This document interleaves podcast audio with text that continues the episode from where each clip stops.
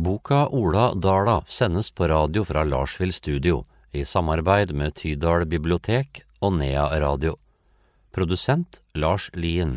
Musikk Andreas Aase. Den historiske romanen blir lest av forfatteren Odd Håvard Morseth.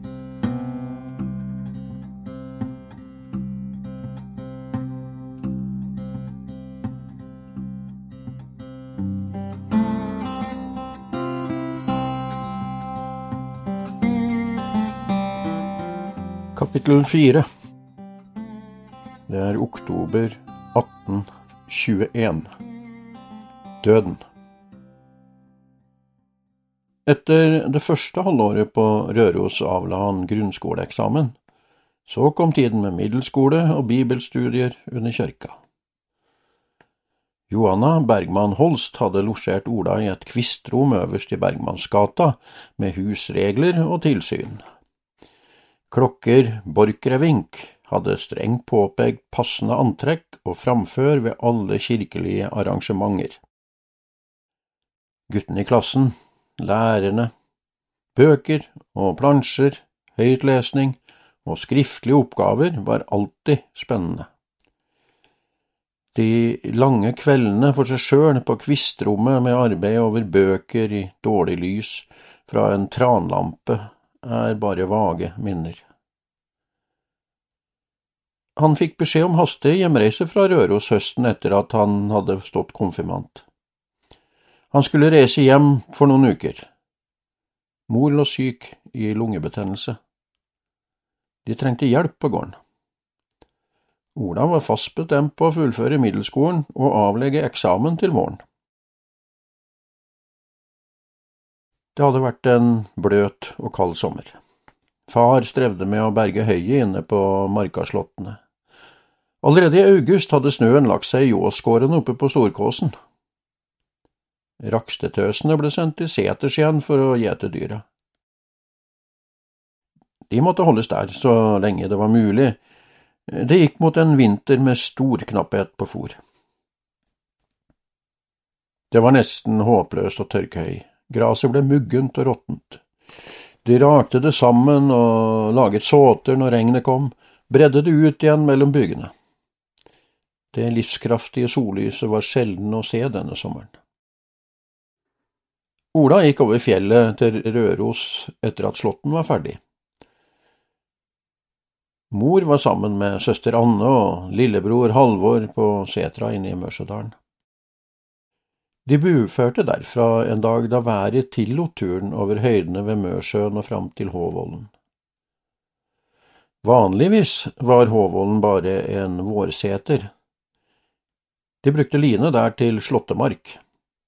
Denne høsten var det umulig med høyberging der, forsinket som alt åndearbeid var. Det skulle beite ned siste rest av en sommer som for lengst var over. Mor fikk feber, alt før dyrene kom hjem fra Håvollen. Anna kom seg til sengs inne i kammerset. Feberen som hadde festet tak i den vevre kroppen, ga ikke slipp. Den herjet bare videre med mor. Pusten gikk i ujevne kast, og den tørre hosten gjorde vondt i alle sine ører. Noen korte perioder var både blikket og tankene klare. Da hendte det at hun spurte etter litt mat eller noe å drikke, men det var ikke rart av føde hun tok i seg. Anne var ofte inne hos henne. Uten at noe ble sagt, tok hun ansvar og stelte moren sin. Hver dag satt mor oppe i senga så Anne fikk børstet og stelt håret hennes. Ofte la hun det blonde, nesten gule håret i fletter rundt hodet. De var like blanke i øynene begge to, så alt forklarer over hvordan utgangen kom til å bli. Båndene som hadde holdt de to så tett sammen, skulle snart rives av. Livet forsvant etter hvert fra øynene. Den bleke, feberhete huden strammet over de høye kinnbena. En natt sist i oktober hjemsøkte døden kammerset til mor. Anna Halvorsdatter døde med en krans av gylne fletter rundt hodet. Turen nedover dalen med mor Anna var tung og lang. Kisten far hadde snekret sammen sto oppe på hestekjerra, det gikk et lite følge bak. Blakken gikk for frie tøyler det meste av veien, far hadde knyttet tømmene fast oppe på smøystolen av messing. De små messingbjellene singlet og ringlet på veien til kirka. Det lille følget forsøkte å synge noen salmer. Ola hadde vondt for å forestille seg at mor lå inni kassa og grove bord og ble kastet hit og dit når kjerrehjulene gikk over steiner og bergknauser. Den gylne kransen rundt hodet ble ødelagt. Alt var feil. Det var andakt og jordpåkastelse i Tydalskirka nede på Aune. Kista med mor inni måtte bli med opp bakken igjen på hjemturen. Dagen før hadde de spadd opp sandjorda på gravplassen ved Stuggesjøen.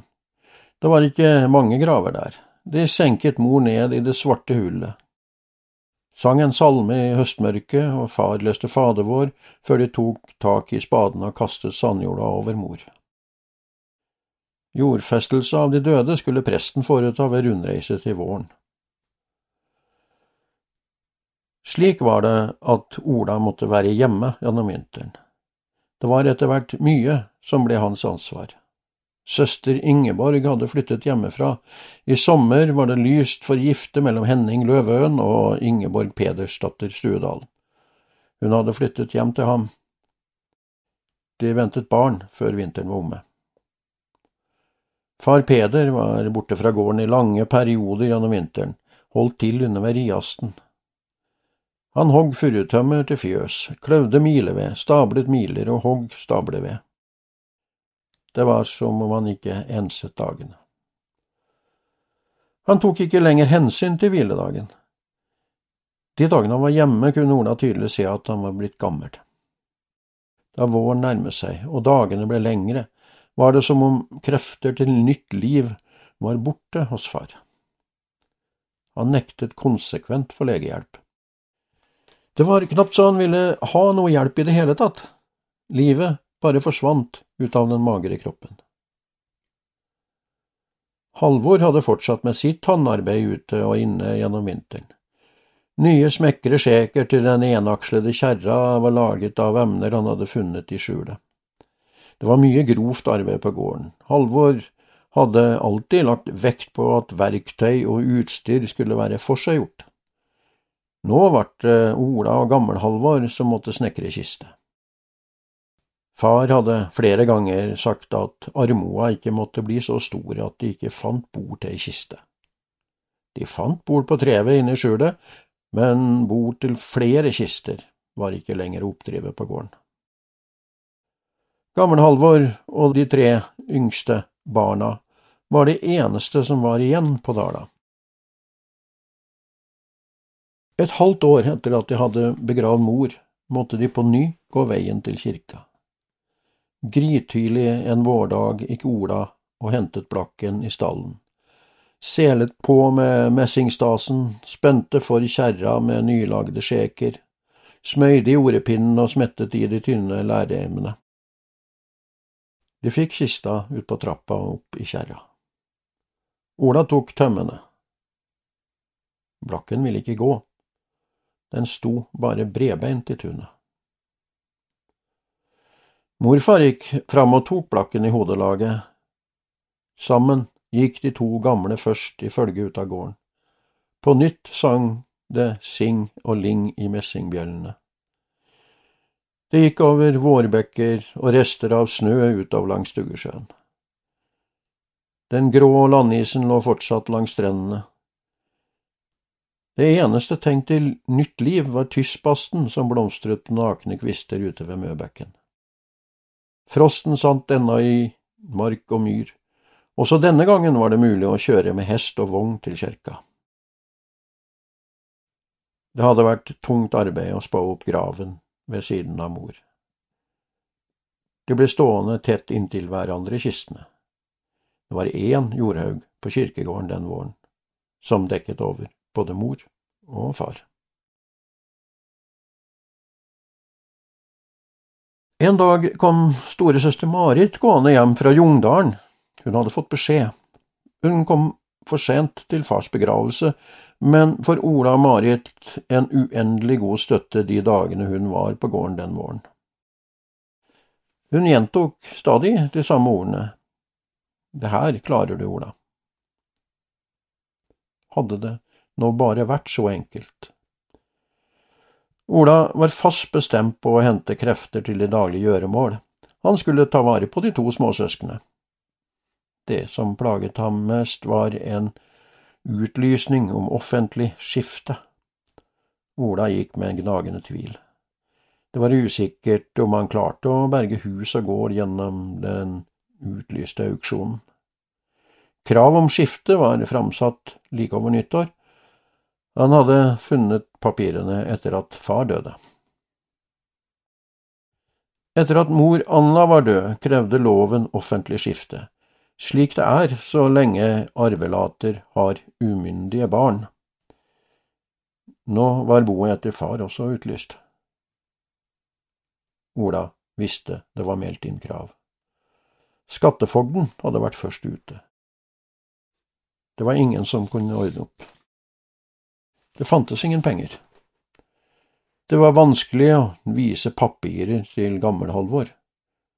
Han hadde aldri lært å lese. Mor og far var borte.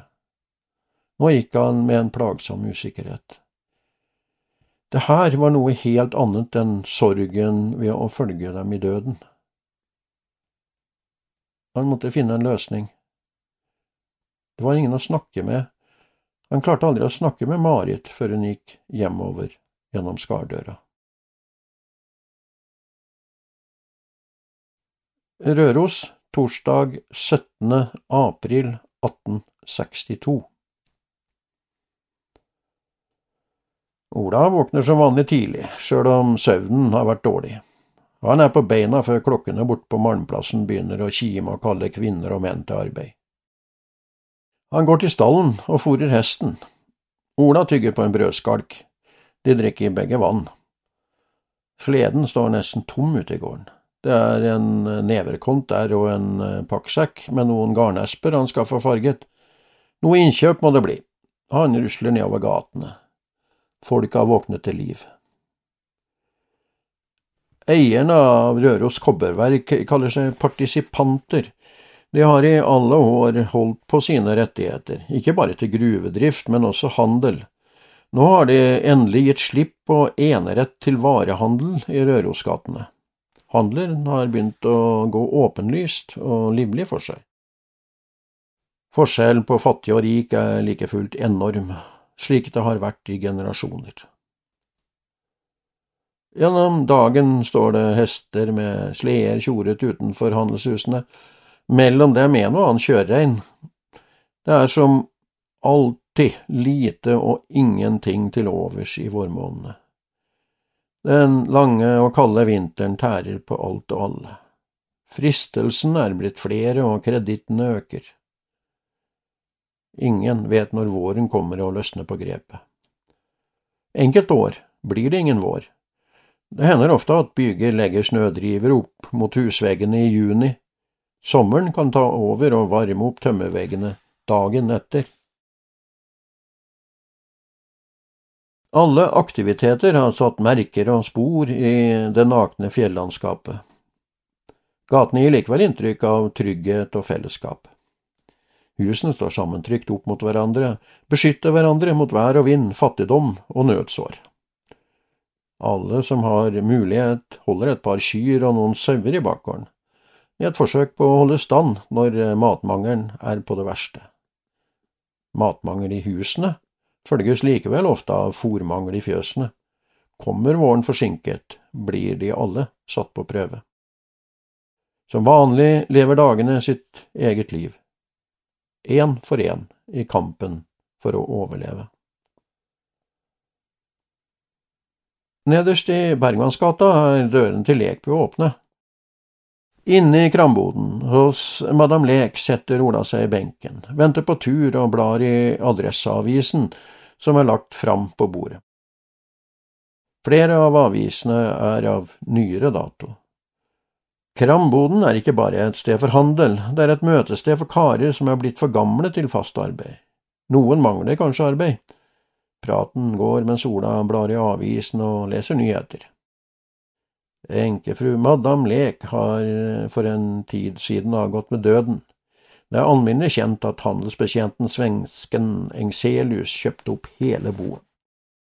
Nå får han høre at sønnen Johan Magnus Engselius har skrevet kontrakt med sin far. All bestyrelse av forretningsdrift er nå lagt til sønnen. Firmaet skal nå hete Engselius og Sønn det er en velkledd mann med grått hår og skjegg som peker mot et ferdigmalt veggskilt som står lent opp mot en reol bakerst i rommet. Det første han har gjort, er å selge Jusendalsbruket, men eiendommen i Malmagen har han eh, da beholdt. Det strekker nok ikke lenger til med seterdrift ut på pinstid. Ola hører sky raute ut i bakgården. Den store bølingen til Engselius kjenner nok også lukten av vår og ønsker seg ut i frihet på grønne enger. Det blir da nå til Sætervei, helt til Malmhagen, skyter en glattbarbert kar med snipp og jakke inn. Han har kjøpt Finnegården og innredet kontor der, sier en annen. Det siste er nok at han har kjøpt eiendommer ute på Kungsholmen i Stockholm. Den karen kommer aldri til å ekspedere allmuen i krambua, slik faren har gjort i en manns alder, sier den glattbarberte skråsikkert og lener seg over spaserstokken. Det er da så rart med det, handelen går på kryss og tvers av grensene nå. Det er bare å se på norsken Farup, som har kjøpt Justnedalsbruket og fått tak i store landeiendommer på kjøpet. Penger gir makt i dag. Det er snart Ola sin tur til å bli beskjedt borte ved disken. Han kjøper tre pund sekk kaffe, en stor rull med Candy sukker på tråd, et våg hvetemjøl til flatbrødbakst, en tønne med bygg til ølbrygging og en pose med humle. Ølet skal være klart til slåttonna, en sekk valset havre, litt malt, noen hylster med kvartrull skråtobakk, to pakninger med fyrstikker avslutter handelen. Ola har i det siste tillatt seg å være tilfreds med å ha kommet så langt i livet at ikke alt er slit og armod. Han har et heftelsesfritt hushold, sjøl om bykselkravene på gården alltid vil komme som et årlig gnagsår fra Thomas Angels stiftelse. En fri bonde vil han aldri bli, leilendingen Ola Dala. Et av de mange kravene i boet etter mor og far kom med et gjeldsbrev fra handelen hos Madame Lek. Det er mange minner som er pløyd ned med dype furer. Så dypt i hukommelsen at det på det nærmeste har vært borte i alle år etterpå. Penger ga makt før i tiden også. thank